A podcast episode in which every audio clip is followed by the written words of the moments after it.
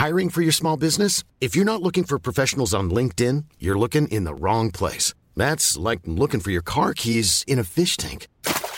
LinkedIn helps you hire professionals you can't find anywhere else, even those who aren't actively searching for a new job but might be open to the perfect role. In a given month, over 70% of LinkedIn users don't even visit other leading job sites. So start looking in the right place. With LinkedIn, you can hire professionals like a professional. Post your free job on linkedin.com slash people today.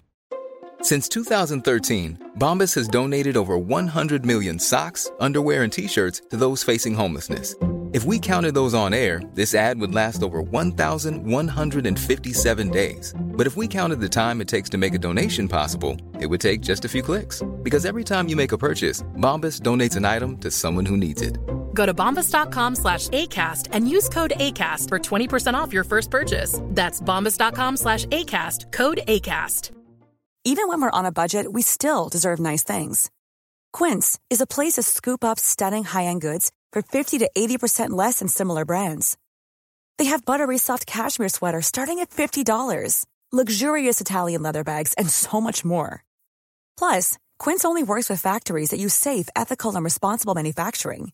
Get the high-end goods you'll love without the high price tag with Quince. Go to quince.com slash style for free shipping and 365-day returns.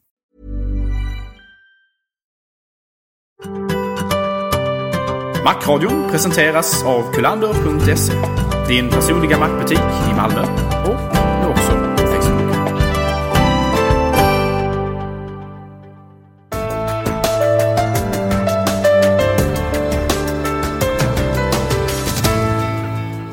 Hej och hjärtligt välkomna till Macradion och ännu ett efterlängtat avsnitt av oss. Helt enkelt. Och eh, vi ska idag diskutera eh, en hel del saker. Men framförallt Steve Jobs. Ett eh, helt, helt chockerande. Och hans relation med Googles VD. Och eh, det har ju varit lite skriverier om att de två inte är bästa polare. Att Steve Jobs har ringt upp Erik Schmidt och eh, skällt ut honom mitt ute i öknen. Dessutom. Varför nu det är viktigt.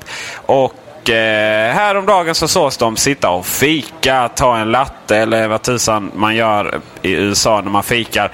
Och eh, diskutera och vara allmänt gulliga mot varandra och, och, och sådär va. Uh, vad är det som händer egentligen? Och varför är vi intresserade av detta? Ja, alltså rivaliteten mellan Apple och Google är kanske ingen nyhet vid det här laget. Eh, Gammelmedia skriver väldigt mycket om det. Eh, på internet finns det mycket information om det. Eh, Apple och Google är ju intressanta ur många aspekter.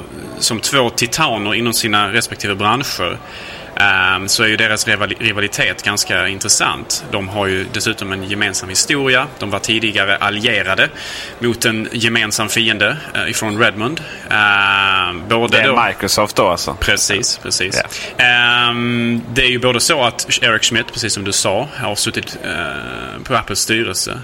Han uh, satt där ganska länge och eh, även Sergey Brin eh, och Larry Page, som är grundare av, av Google, eh, har ju tillskrivit eh, Steve Jobs en roll som betydelsefull för deras personliga utveckling. De såg honom lite grann som en mentor. Ehm, så att det här, det här har ju varit en eh, omskriven och eh, ganska så eh, intressant fade som har då pågått med de här företagen. Som kanske egentligen började med att eh, Google köpte upp och sedan släppte Android, operativsystemet som har kommit att i andra tillverkares telefoner konkurrera med iPhone och iPhone OS. Och det var väl en jävla tur att de gjorde det i och för sig. Annars så hade väl Apple varit ohotad på tronen nu. Vi ska väl inte allt försöka komma in i eh, Palm-diskussionen igen. Men vi kan ju bara konstatera att det har gått åt raka vägen åt skogen för dem. Så att eh, det är väl tur att eh, Google Android finns. Och det var väl det var väl oundvikligt att, att det skulle bli så här eh, när de här två företagen eh, Framförallt är det väl Google som hittar nya marknadsområden. Det är inte så att Apple har börjat med en sökmotor eller liknande. Men eh, frågan är ju... Nu har ju de här artiklarna varit ganska appelfierade. då. Att eh, nästan... Eh, eh, Schmidt eh, framställs som ett, nästan ett naivt litet offer. Liksom. Eh, allt han ville vara var, var att få kärlek från Steve Jobs och det, och det fick han inte. liksom. Och, hur, va, va, hur tror du det är där egentligen? Jag menar, han är ju ändå en av världens mäktigaste VD. Mm, precis, artikeln som du syftar på eh, porträtterade honom som, som ganska så eh, uppmärksamhetssökande och som en kille som, som hade ont om vänner egentligen. även, inte bara Steve Jobs utan att han även inte hade någon sådär jättedjup relation med då Sergey Brin och Larry Page som grundade Google. Eh, svårt att säga. Hur, hur, vi kan ju inte alls ha någon egentlig insikt i det här mer än att man får väl lita på lite grann den, den gestaltningen som journalister ger. Kan ju tänka mig att Steve Jobs är en ganska svår person att komma eh, nära in på livet. Speciellt med tanke på att han har många personlighetsdrag som hade fått många människor att, att liksom vända i dörren. Eh, hans, hans tendens att vara både väldigt eh, kritisk och väldigt Eh, högljudd. Krävande. Ja, krävande och, och högljudd kring sin kritik mot den. Och han kanske inte alltid är världsbäst på att leverera den på ett diplomatiskt sätt. Eh, men även då kanske man suttit i Apples styrelse och har eh, misstänkts då som det har varit då för att ha hämtat inspiration ifrån produkter som man fått se där innan de har släppts. iPhone exempelvis. Ja, det där, det där är ju rätt spännande just. Kanske en liten tidig diskussion egentligen. Men ändå spännande. Där. Vem, vem är det egentligen som styr ett företag? Vi har ju dels eh, VDs, eller motsvarande, eh, eh i USA och i det fallet Steve Jobs. Sen har man en styrelse eh, som eh, ju faktiskt är överställd vdn. Eh, och sen samtidigt har man ju aktieägare som i sig har lite att säga till om i alla fall. Sen att Apples aktieägarmöte brukar vara ganska korta sessioner. Och vem, vem är det egentligen som styr ett företag av den här kalibern? Ja, alltså precis som du säger så tanken är ju att styrelsen ska på något sätt hålla, hålla en, en, en, en, en ledare eller en CEO i, i check. Liksom. Att de på något sätt å eh, aktieägarnas eh, vägnar ska kunna liksom hålla, hålla koll på och se till så att en man inte får för mycket makt eller en, en kvinna om du så vill. Att ledaren i varje fall inte är allsmäktig. Men i, i fallet Apple så, så är jag villig att tro att eh, Steve Jobs har betydligt mer makt oinskränkt eller åtminstone väldigt obehindrad makt än vad många andra ledare hade haft i den här positionen. Eh, både genom sin egen personlighet naturligtvis, en stark personlighet, men också genom att han har varit en bra ledare, en visionär under väldigt lång tid och att han är oerhört värdefull för företaget. Apple hade väl inte varit den enorma gigant som den, en, som den nu har blivit utan att Steve Jobs hade återvänt 97. Nej, det är väl eh, synd att säga. Det finns ju de som hävdar någonting annat. Men, eh, eller i alla fall minst en kickad VD gör det. Eh, och det kan man läsa om i boken On the firing line My 500 days at Apple av, hur säger man hans namn? Gil Amelio? Gil Amelio. Okej, okay, ja. hur som helst. Man, de var ju och fikade, tog sig en eh, latte på något fik där i Silicon Valley eh, häromdagen. Och eh, det, givetvis skulle det börja spekuleras direkt om det var... Att de kanske inte var så hemska ovänner längre eller om det bara är ett stort jävla PR-knep. Och till och med de analyserade hur Steve Jobs satt. genom att sitta med benen i kors. Eh, som, det menar då de som jämför olika bilder. Att det gör han bara när han liksom vill ha en viss distans och sådär. Eh, Medan annars är han ganska framåt och visar vem som bestämmer. Eh, det är omöjligt att säga. Frågan är liksom vad, vad, varför de båda företagen skulle vilja eh, få ut en story om att Steve Jobs och, och eh, Smith är vänner eh, genom att bara ta en fika. Liksom. Vad, vad, vad händer där? Vad tror du? Alltså jag, jag, det känns ju som det hela är något, alltså en, en fabricerad eh, grej. Att, att, att på något sätt det har funnits en tanke att det här ska upptäckas av folk som passerar förbi och att det här ryktet ska spridas ut på något sätt. Att nu börjar de då eh, enas igen. Eh, varför annars skulle man göra det så offentligt? Eh, ja, man har kanske ingen anledning att inte göra det men samtidigt så kändes det väldigt, väldigt mycket som om, om det här på något sätt är ett led i någon slags strategi. Att man ska på något sätt kanske inte återförenas som bästa vänner men åtminstone sänka eh, konfliktgraden något. Ja, frågan är varför man vill göra det då? Ja, alltså det är ju en sak att man konkurrerar på ett, på ett hälsosamt och friskt sätt. Det är ju bra att företag gör det. Men, men känslan som man har fått av det som har läckt ut och det som har skrivits om kring framförallt de Mac-sajterna har ju varit att eh, stämningen har stundtals varit väldigt hetsk och att Eh, många inom företagen, både hos Apple och Google då, i ledningen, har varit väldigt, väldigt, väldigt arga och eh, besvikna på, på den andra företagets ledning och sådär. Någon slags eh, arbets... Eh, ska man säga? Någon slags Eh, civilitet gentemot den andra, de, de andra människorna som man på, på, något sätt förmodligen kommer att få arbeta med även i framtiden eh, är ju kanske att föredra. Jag menar Apple Apple har ju behov av, av, Google fortfarande i vissa tjänster. Inte bara som sökmotor men även som leverantör exempelvis utav data för deras Maps-applikationer. Någonting som Google levererar fortfarande. Apple har ju köpt ett eget företag som tillverkar sådana här så vi vet inte hur länge till det kommer att vara så här. Men än så länge så använder de ju fortfarande sig av Google Maps för sina tjänster på iPhone bland annat.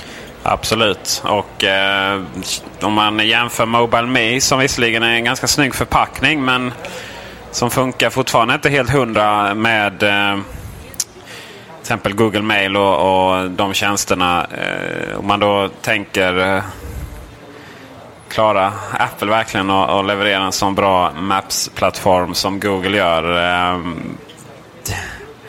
Ja, kanske, kanske inte. Men, uh... och, alltså, jag, jag, kan ju tänka mig, alltså, det är ju inte bara att man har kartor i sig. Jag menar, Google har ju exempelvis bilar som kör under och fotograferar på, på marknivå och sådär. Och det är funktioner som man har möjlighet att komma åt via, via, eh, via internet exempelvis.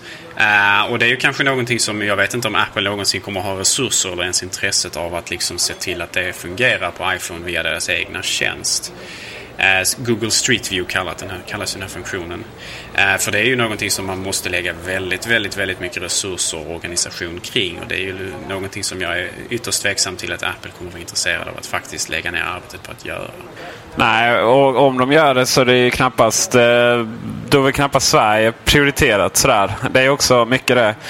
Jag känner ju att, eh, att eh, som jag, i de flesta sammanhang ska man ju satsa på sin kärnverksamhet. Och Apple är bra på att eh, skapa fantastisk hårdvara och eh, mjukvara som passar ihop med det. Men just tjänstemässigt så har det ju aldrig varit, har ju alltid till exempel Mobile Me varit ett och före detta Mac då och innan det iTools. Alltid varit ett litet sorgebarn. Och, och det är likadant iWork idag. Det är ju, man känner det skulle kunna vara så mycket mera. Så otroligt mycket mer skulle iWork.com vara, ska jag säga så att jag pratar om inte bara ett sätt att ladda upp si eh, eh, sidor som man sen inte kan redigera med. Jag menar hela iWork skulle kunna vara på molnet. Det hade ju varit så mycket trevligare. Eh, särskilt nu med iPad och iPhone. Ja, visserligen kan man eh, kan man eh, ladda upp sin... Man kommer kunna ladda upp sina filer till iPaden och säkerligen också iPhone i, i framtiden. Eh, och, och, redigera med iWork på I, iPaden, inte iPhone dock. Men det, det, här med att liksom ha, hålla på med filer kors och tvärs så vet om man har dem. Det känns lite, lite, lite eh, 2009 eh, skulle jag säga. Jag ser gärna att iWork.com blir ett slags komplement till programmen som finns på Macen som kommer att finnas på iPad. Alltså inte att allting bara går och blir webbaserat utan att, att man fortfarande bygger program i Coco och Objective-C som fungerar bra på, på på Mac OS 10 som plattform och iPhone OS som plattform. Men att man samtidigt då integrerar det väldigt bra via molnet precis som du säger. Eh, jag tror, eller jag hoppas inte att framtiden är som, som Googles eh, Google Docs. Att man bara arbetar via, från en webbläsare in i på det här programmet. Utan att det finns så kallade standalone eller fristående program som, som då är mer optimerade för den plattformen de arbetar på. Så. Ja, det är ju frågan. Eh, det är, väl, det är väl ungefär det jag också tänker just nu. Sådär, att man, eh, jag öppnar, öppnar mitt dokument i, eh, i Pages på riktigt, eller vad man ska kalla det, så, så, går det att göra mer. Mycket av detta är ju faktiskt att Keynote handlar väl väldigt mycket mer om, om sånt. Va? För att Pages är ju inte, det är ju lättare att göra en Pages-version i molnet än Keynote med alla dess effekter och sådär. Men eh, men, men säg då att man öppnar dokumentet på datorn. Ja, då, då, är det, då, då kan man göra lite till. Och sen så, men sen att man, liksom det här med att spara filer på datorn känns ju sådär. Utan att, att man sparar i molnet och sen öppnar då på iWork.com, loggar in från vilken dator som helst. Ja, då kan man göra det som då eh, webb och HTML5 medger. Vilket i och för sig är väldigt mycket. Eh, och sen öppnar jag på iPaden så kan jag göra det medier och iPhonen vad det medger. Sen tror inte jag att framtiden, jag tror faktiskt inte det, vi kommer jag tror inte du kommer få, få uh, rätt där Gabriel alls faktiskt. Jag tror att, uh, att mycket kommer att ligga på nätet och att uh, skrivbordsapplikationerna kommer att glömmas bort allt mer och mer faktiskt. Sen är det ju såklart... Jag tror det handlar inte om att ha rätt eller inte. Jag sa inte att det kommer att bli så här. Jag sa jag hoppas att det kommer att bli så. Det är en stor skillnad. Jag är rädd att framtiden är precis det du, för, du förespråkar här. Och det är någonting som jag inte ser fram emot. Ja, absolut, så är det alltid. Sen är det väl också lite så att i vilken, hur många år i framtiden pratar vi om? Till slut så... Eh, ja, hur ser det ut om 100 år liksom? Eller 50 eller ja, ens 10 liksom. Eh, det där är ju en ständig utveckling. Det var väl ingen som trodde, eh, var väl ingen som riktigt ens hade tron att vi skulle bokföra online för, för två år sedan liksom. Innan, innan eh, det helt plötsligt blir jättehett med onlinebokföring. Och så vidare och så vidare. En sak man kan säga om iWork.com det är att den fortfarande är i beta och den har varit så ett tag nu. Och det är lite sådär eh, trist att de inte verkar ha fått fått, fått ordning på det tillräckligt mycket så att man verkligen kan släppa den eh, helt och hållet för användarna så att säga. Det är någonting som jag hade hoppats och jag, samtidigt så är jag också väldigt eh, eh besviken, eller vad man nu ska säga, på att vi ännu inte har sett iWork 2010.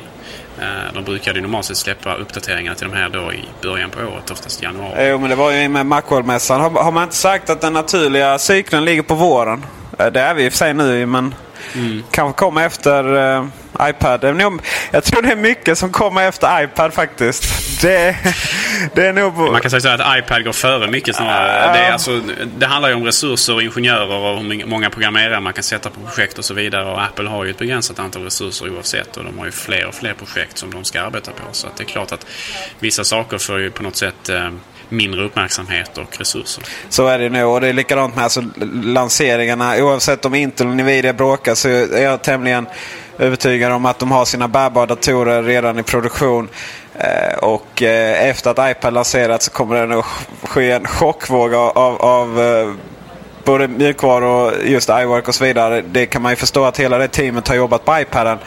Uh, och, uh, men, men också de uh, Mac Pro är, ju väldigt eftersatt. De bärbara är också ganska så... det är ju världens bästa bärbara fortfarande men det var ju ett tag sedan det kom nya. Att... En, en orolig Mac-användare skickade ju nyligen ett mail till Steve Jobs personligen där han frågade var de nya Macbook Pro-modellerna tog vägen. Om han var på väg att köpa en. Och då hade typ Steve Jobs på sitt gamla vanliga manér svarat kort och koncist Not to worry. Och det var väl den som var sänd från min iPad också va? Mm, jag skulle tro det åtminstone. Ja. Så det var mailapplikationen på Busen. iPad som på att Vi har ju givetvis eh, beställt iPadar ska ju sägas. Så hoppas de kommer hit här eh, så snabbt som möjligt efter att de släpps i USA. Eh, det vill säga alltså, hit till Macron då, hit till Sverige. Ja, det är inte jag som beställer in till hela Sverige ska jag dessvärre säga.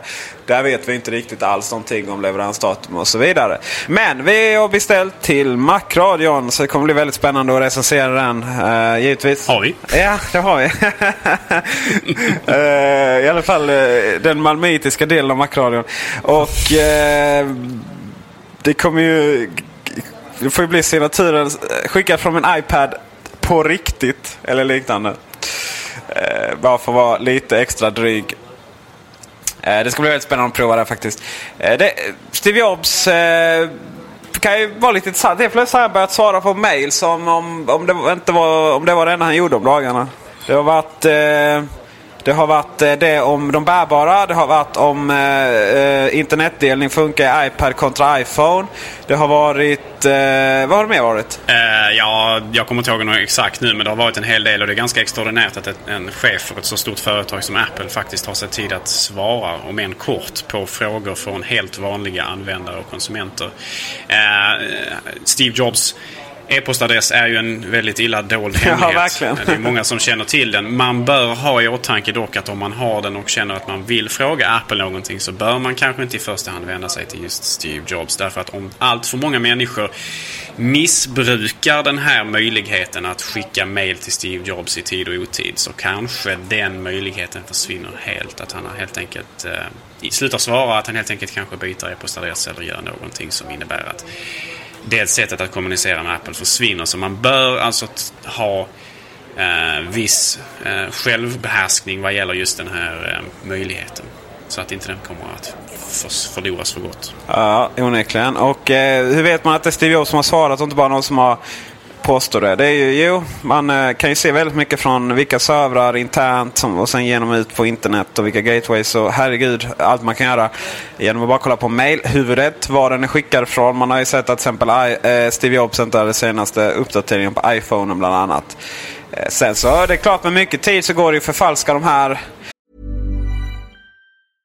This is Paige, the co-host of Giggly Squad, and I want to tell you about a company that I've been loving, Olive and June. Olive and June gives you everything that you need for a salon quality manicure in one box. And if you break it down, it really comes out to $2 a manicure, which is absolutely insane. It's also so easy to get salon worthy nails at home with Olive and June. The difference between how your nails used to look when you did them yourself and now with the Manny system is a complete game changer. The best thing about Olive and June too is it's a quick dry, dries in about one minute, lasts for five days, and full coverage in up to one to two coats. Visit oliveandjune.com slash perfect Manny 20 for 20% off your first system. That's oliveandjune.com slash perfect Manny 20 for 20% off your first system. I'm Sandra, and I'm just the professional your small business was looking for. But you didn't hire me because you didn't use LinkedIn jobs. LinkedIn has professionals you can't find anywhere else, including those who aren't actively looking for a new job but might be open to the perfect role, like me.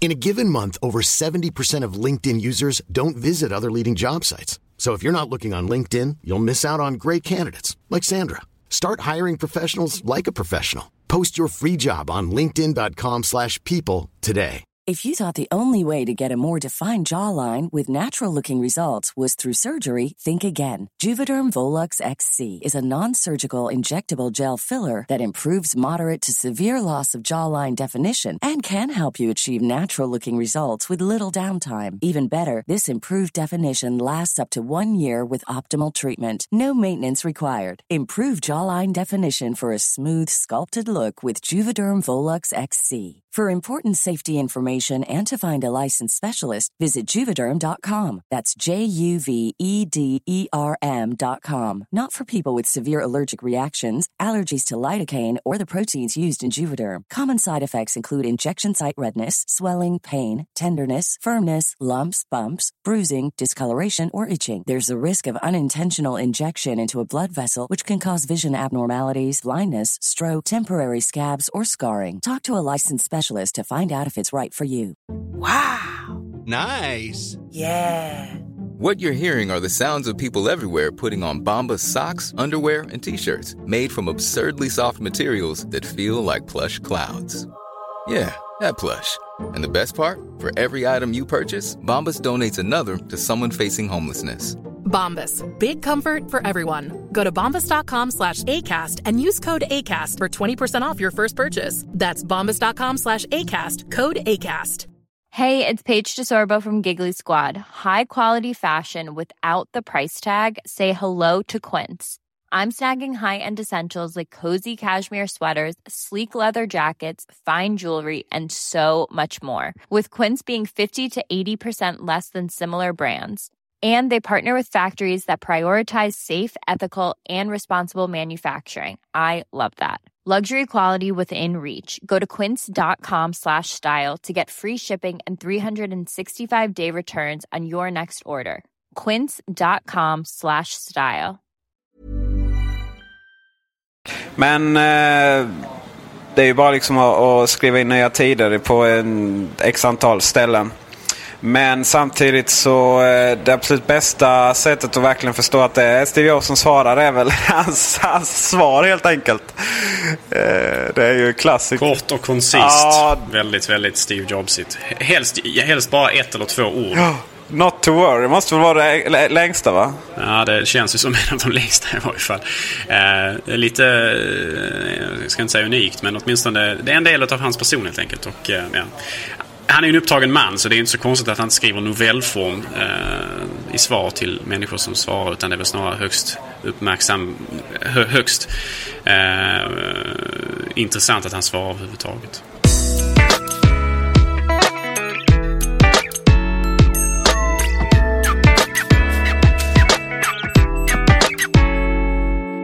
Det är inte bara över ens personliga relationer som eh, Google och Apple bråkar. Det är även över vissa uppköp. Och eh, för, båda företagen försökte köra, uh, köpa upp, uh, vad heter det, AdMob.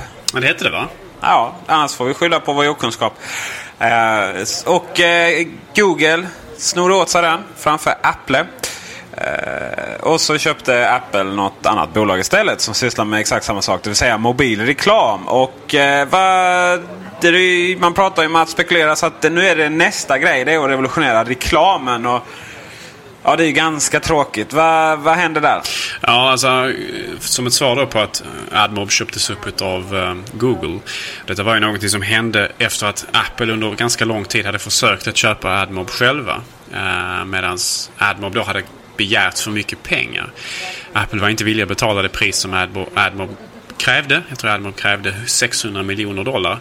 Eh, så slutade det istället med att två dagar efter att perioden som Admob hade gått med på kontraktsmässigt att inte eh, så att säga uppvaktas av andra eh, köpare. Så två dagar efter att den här tiden gick ut så såldes AdMob istället till Google för 750 miljoner dollar. Och som svar på detta då så köptes snabbt Apple upp eh, Quattro Wireless som de kallade det som också var ett ett företag som sysslade med mobil eh, reklamverksamhet. Alltså framförallt då via App Store. Eh, alltså Apples eh, leverantör utav programvara. Och vad vi har hört nu den senaste tiden då det är att det ryktas om att det ska komma något som kallas för iAd. Alltså IAD. Som ska vara då Apples så att säga vision av den framtida annonseringen helt enkelt. Främst kanske detta kommer då vara via App Store. Kanske också via iBook Store. Ehm, kanske också via diverse andra medier som levereras framförallt via de mobila lösningarna som Apple arbetar på. iPad, iPhone, framtida plattformar. Um, vi vet inte riktigt vad Apple egentligen försöker revolutionera. Uh, att man vill ha en del av den kakan kan man ju förstå för det är ganska mycket pengar det handlar om. Men uh, vad ryktena gör gällande är att det inte bara är samma gamla vanliga koncept utan på något sätt så ska Apple då lägga sin magiska touch kring det hela och göra det bättre. Det har spekulerats lite grann kring exempelvis att det skulle bli det som på engelska kallas för location aware. Alltså att, att, att man ska använda GPS-funktionen på iPhone exempelvis och kanske från iPad också. För att helt enkelt kunna servera eh, lokaliserad reklam så att om man står i närheten av en hamburgerrestaurang så kanske eh, det kommer upp reklam för McDonalds eller något liknande. Så att man ska alltså använda den informationen som Apple kan få reda på om användaren men som kanske Google inte får reda på av användaren. Just var de befinner sig för att helt enkelt kunna leverera reklam som, som är skräddarsydd för just den konsumenten. Kunna leverera reklam för McDonalds utanför en Burger King-restaurang. Drömmen för många den framtida annonsmodellen handlar ju också om att, eh, som du sa, att kunna leverera eh, annonser som är skräddarsydda för en. Det är inte bara eh, location awareness utan även vad är det jag är intresserad av. Eh, kan man läsa av vad, vad, är det för program som jag har köpt på App Store? Vad är det för, ja, vad är det för musik och så vidare. Va? Och eh, sen så, eh, det kan ju vara så att, eh, men om jag tar upp min iPhone här, vad har jag för program? Jag har, eh, ska se här, jag har Runkeeper. Jag har One Password, jag har eh, Prisjakt. Jag har Skånetrafiken. Jag har... Eh, ja, det är väl ungefär det jag har faktiskt. Det är inte mycket program installerade här. Jag har Pennis. Jag har givetvis. Kolla, kolla koll på ekonomi. Och eh, Tweety också. Och eh, då kan man kanske anta att jag inte är så intresserad av eh, att få reklam för eh, då kanske jag inte är så intresserad av att få reklam från hästkärra i norra eh, Smålands inland. Eller vad tusan som helst. Att, att det handlar om att läsa av eh, kundernas intresse. Jag tror det är lättare för Apple att läsa av vad man är intresserad av snarare än vad man inte är intresserad av. För att det finns ju kanske en hel del intressen som man har som man inte har köpt apps till till sin iPhone. Eh, så det är nog lättare att se var intresset finns snarare än var det inte finns i de här fallen. Men du har helt rätt. Alltså att man kan ju titta på människors konsumtionsmönster från de diverse källorna som Apple redan levererar. App Store, iTunes och så vidare. Och eh, på det sättet så kan man alltså kunna nå människor eh, med saker som kan vara av intresse för dem. Och då har vi ju integritetsaspekten i återigen. Svårt att diskutera kommande visioner som vi inte vet någonting om antagligen kommer vi få återkomma till detta. Vad vi i alla fall vet är att eh, det, idag har ju Apple låtit oss stänga av. Eller Genius, alltså den som kollar igenom oss bibliotek. Både till iTunes Store och, eh, och eh, även för våra lokala bibliotek. Den är väl inte igång från början i iTunes tror jag inte heller va? Längre. Jag tror det är opt-in som det kallas istället för opt-out. Det vill säga att den är inte påslagen från början men man kan välja att slå på den. Det är så de två olika sätten att göra det. Antingen så är det opt-in då måste man välja att sätta på någonting. Eller så opt-out. Då får man själv stänga av funktionen. Det är väldigt spännande sådär hur långt eh, Apple har kommit. För eh, ett par år sedan så blev det stor uppståndelse på, på Macnytt som höll på eh, då när eh, iSync kom. Man kunde, det var en stor revolution. Man kunde synkronisera mobiltelefonen och, och, och eh, Macen. Det var stor uppståndelse när eh, Garageband kom och så vidare. och så vidare. Nu, eh, nu, nu står samma företag bakom eh, framtida annonsmarknad och visioner runt det och så vidare. Eh, det var stor uppståndelse i Marknytt när eh, någon nämnde Apple som företag, mainstream media. Nu skriver New York Times om att eh, Steve Jobs svarar på mail. Eh, det har verkligen gått framåt. Och eh, jag har väl en känsla av att de kommande tio åren, jag tror inte vi har sett ens lite av vad som komma skall. Utan de kommande tio åren är Apples. Och eh, har du inte köpt dina Apple-aktier ännu så är det väl dags nu kanske. De ligger väl på 220-230 dollar eh, vid, vid dags datum. Eh, det finns de som menar på att de ska upp till 400.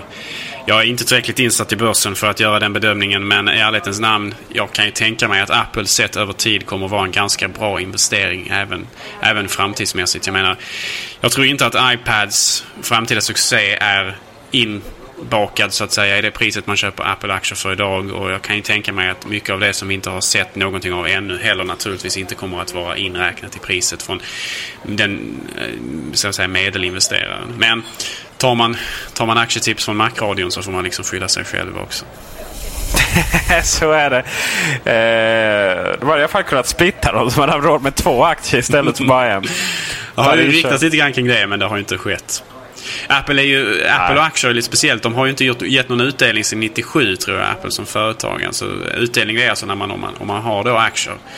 Eh, så ger man då tillbaka en viss procent utav intäkterna eller, eller utav förtjänsten som företaget har till aktieägarna. Alltså man, man har utdelning så att säga. Och många företag gör detta då för att eh, göra sina aktier kanske mer attraktiva och så vidare. Eh, men Apple har inte gjort detta på väldigt, väldigt länge. Jag tror inte de har gjort det på... Eller de har inte gjort det sedan 97 i varje fall, så vitt jag vet. Eh, och anledningen till det då menar eh, Steve Jobs, jag vet att han fick frågan någon gång. Det är väl i princip att, att Apple vet att investera de här pengarna bättre själv. Alltså, det, det, det, är en helt annan investeringsfilosofi då att man menar på att företaget, om de kan hantera och göra strategiska uppköp och så vidare så så har man mycket att vinna på att behålla pengarna inom företaget snarare än att dela ut dem till aktieägarna, det vill säga företagets egentliga ägare. Just det, det är återigen diskussionen. Vem äger företaget? Um, Apple är ju ett företag utan några som helst skulder och det är ju inte helt vanligt. Det finns ett företag som sysslar med eh, de som står bakom Basecamp, alltså ett projekthanteringssystem på internet som um, heter vad är det, 37 Signals. Va? Och de eh, berättade, det är också ett företag som inte har några skulder. De hade problem att få eh, de hade problem att, eh, som jag förstod om jag läste rätt, de hade problem att få ja, alltså vanlig 30 dagars kredit på sina fakturer. Eller de de skulle betala. Eh, från vissa kreditgivare för att de kunde inte uppge eh, ja, alltså de, de kunde inte uppge dem eh, sitt skuldkonto liksom, för de hade ingenting. Det där är ett, ett, problem inte bara för företag i USA utan framförallt också för privatpersoner som planerar att leva ett liv utan skulder. I USA är allting väldigt mycket uppbyggt kring kredit och att man handlar på kredit. Och eh, man får betygssättning beroende på hur man är bra på att betala tillbaka sina skulder. Och den här betygssättningen ligger sedan till grund för om man får lov att köpa bil och köpa hus och så vidare. Eh, men problemet är att om man inte har några skulder så har man noll som, alltså som, som det här betyget och noll är dåligt. Eh, därför att då, då, då, har de inget underlag för att göra bedömningen på huruvida man är bra på att betala tillbaka skulder eller ej. Så att i USA så är man, jag ska inte säga tvingad, men åtminstone finns det stora fördelar med att åtminstone låna för att sedan betala tillbaka i tid. För då får man upp det här kreditvärderingsbetyget som gör att man då anses vara en god konsument och man får möjlighet att göra vissa... ja, ja, precis. Alltså det, och det är ganska, kan jag tycka ganska sjukt. Jag, jag tycker skuldfrihet är helt klart eftersträvansvärt. Men i, som systemet är riggat i USA, både för konsumenter och i det här fallet också företag, så finns det mycket att förlora på att inte vara skuldsatt. Faktiskt, tyvärr. Mm. Ja, det är fascinerande. Uh, just. Vad, vad, är, vad, är, vad är meningen med livet? Uh, det vet vi alla att det är ligga sked såklart. Men i USA är det uppenbarligen att vara en god konsument då istället. att man ger sitt till amerikanska stålindustrin. Alla vill vara goda medborgare men nu ska vi vara goda konsumenter också. Ja, ja verkligen. En total vändning här. Jag kan konstatera att MSN det vill säga Microsoft ja, jag kan inte hela ordet. Microsoft Messenger för Mac. Då har de tagit bort live nu. Microsoft Messenger för Mac har kommit i beta. Eh, version 8. Och hör och häpna. Det finns stöd för video, eh, videochatt. Och eh, det är ungefär det de har lyckats med på två år. Då. Det ser exakt likadant ut. Det finns teoretiskt stöd för videochatt. Det verkar inte funka särskilt bra i företagsnätverk och i vissa andra nätverk. och så vidare. Men det finns teoretiskt stöd för det i alla fall. Men eh, vi kan väl nästan konstatera här nu att videostöd på, eh, i MSN på Mac är väl snarare någonting som Microsoft behöver nu. Inte Apple, om vi säger på det sättet. Eh, det tåget har rullat egentligen. Numera så har jag märkt att eh, kidsen använder, eh, ja de som inte använder iChat givetvis, som, som, som goda Mac-medborgare då så använder vi givetvis iChat. Men, men, men resten av världen verkar mer och mer gå till Skype istället. Och eh, där är videostödet perfekt. Så jag tror, jag tror snarare att man, man, att videostödet för i MSN Messenger, eller förlåt, förlåt, förlåt, Microsoft Messenger för Mac menar jag givetvis. Eh, I mått och mycket är någonting som eh, Microsoft är större behov av än någonting annat. Mm. Och det är ju något av en smärre skandal att det inte har dykt upp förrän nu. Eh, det har ju helt klart varit ett argument mot att köra Mac om man använder PC tidigare. För väldigt många människor använder trots allt MSN framförallt i Europa och Sverige. Uh, AIM är ju betydligt större exempelvis i USA. MSN är inte alls lika stort där. Men här i Europa och i Sverige så har MSN varit och fortsätter att vara sedan ICQ tappade eh, tronen så är det ju MSN som gäller. Mm, gamla ICQ, ICQ ja. Israeliskt. Israeliskt från början ja. Köptes väl upp av AOL en gång i tiden ja. och integrerades. Uh, alla kommer väl ihåg den här uh, Uh-oh! Verkligen. Och, och det var ju, det, de fick ju pris eh, typ flera år i rad för världens fulaste webbsida. Och det var det verkligen. Men, men ändå med charm liksom. Ja, det var, ju, det var ju verkligen grotesk alltså. Det var ju verkligen hemskt. Men eh, det var ju kul att använda ICQ på den tiden. Jag kommer fortfarande ihåg mitt ICQ-nummer förut. Men det, det, är inget som jag använder längre. Det var relativt kort. Jag var, ja, jag var med jag... från början nästan. Ja, jag hade också så fem, men det, men det försvann. Men jag, jag kommer faktiskt ihåg det. Det jag hade var eh, 6690 87. Ja, fasen. eh, sen hade jag ett hos femsiffrigt också. Men det, det, och det var ju en, herregud, det var ju en det om något var en kommunikationsrevolution som långt större än Twitter. Liksom. Eh, att realtid kunna chatta med kompisarna, det, det fanns ju inte alls. Jag menar, här måste man ju... Ja, det fanns ju. Det, det fanns ju sådana här chattprogram. Ja, chatt, ja, chattrum mm. fanns ju. Men, men inte det här liksom att man hade en lista ständigt aktiv. Man såg kompisarna var online och så vidare. Jag menar, det, det var ju stort. Och ja, AOL köpte upp ICQ och förstörde det också. Som så mycket annat. precis. AOL är ju något av ett sorgebarn eh, på många sätt. Det har inte kanske varit en bra investering för många men eh, ja. Vi använder fortfarande tekniken i vårt iChat som jag använder det protokollet eh, för att kommunicera som Apple använder sig av också. Så är det. Och eh, med det så har vi gjort färdigt ännu en iChat-inspelad Macradion. Och eh, nästa vecka är det påsk. Och det betyder att eh, jag är personligen i Göteborg. Så då blir det inget avsnitt. Officiellt blir det inget avsnitt jämfört med då förra veckan där det inofficiellt inte blev ett avsnitt. eh, men vi återkommer om två veckor och eh, jag kan också lova att nya stora fina sajten alltommac.se är så oerhört nära lansering nu så att eh, det kommer bli spännande. Eh, alla Macron-lyssnare kommer givetvis få Eh, eh lite förtur före alla andra och testa den sajten. Det kommer bli väldigt spännande. Med det så önskar vi en eh, trevlig eh, vecka och en kommande påsk. Ät riktigt mycket GI-mat i form av prinskorv och köttbullar och eh, allting annat man häver i sig på påsk. Och eh, njut av ledigheten. Tack Kullander för all sponsring av både servrar och annat. Tack Andreas för att du orkar redigera Macradion fast du har en liten nyfödd dotter. Tack Gabriel. Och eh, ja, ingen, när ingen annan säger det får jag väl säga tack mig själv. På återseende. Ha det bra. Hej!